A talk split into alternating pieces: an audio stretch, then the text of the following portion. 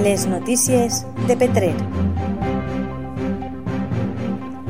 Amb Aitor Juan Luz.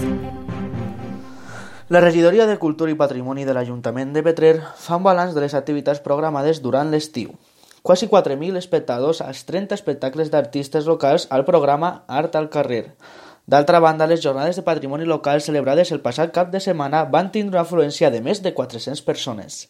El regidor de l'àrea, Fernando Portillo, ha destacat que hem tornat de manera segura a la cultura, als espais oberts amb grups i artistes locals que s'han vist perjudicats per la situació sanitària.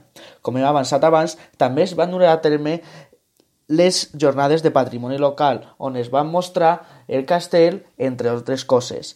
Van tindre una afluència, com hem dit, de més de 400 persones de localitats properes a Petrer i fins i tot gent internacional. Les notícies de Petrer. Amb Aitor Juan Luz.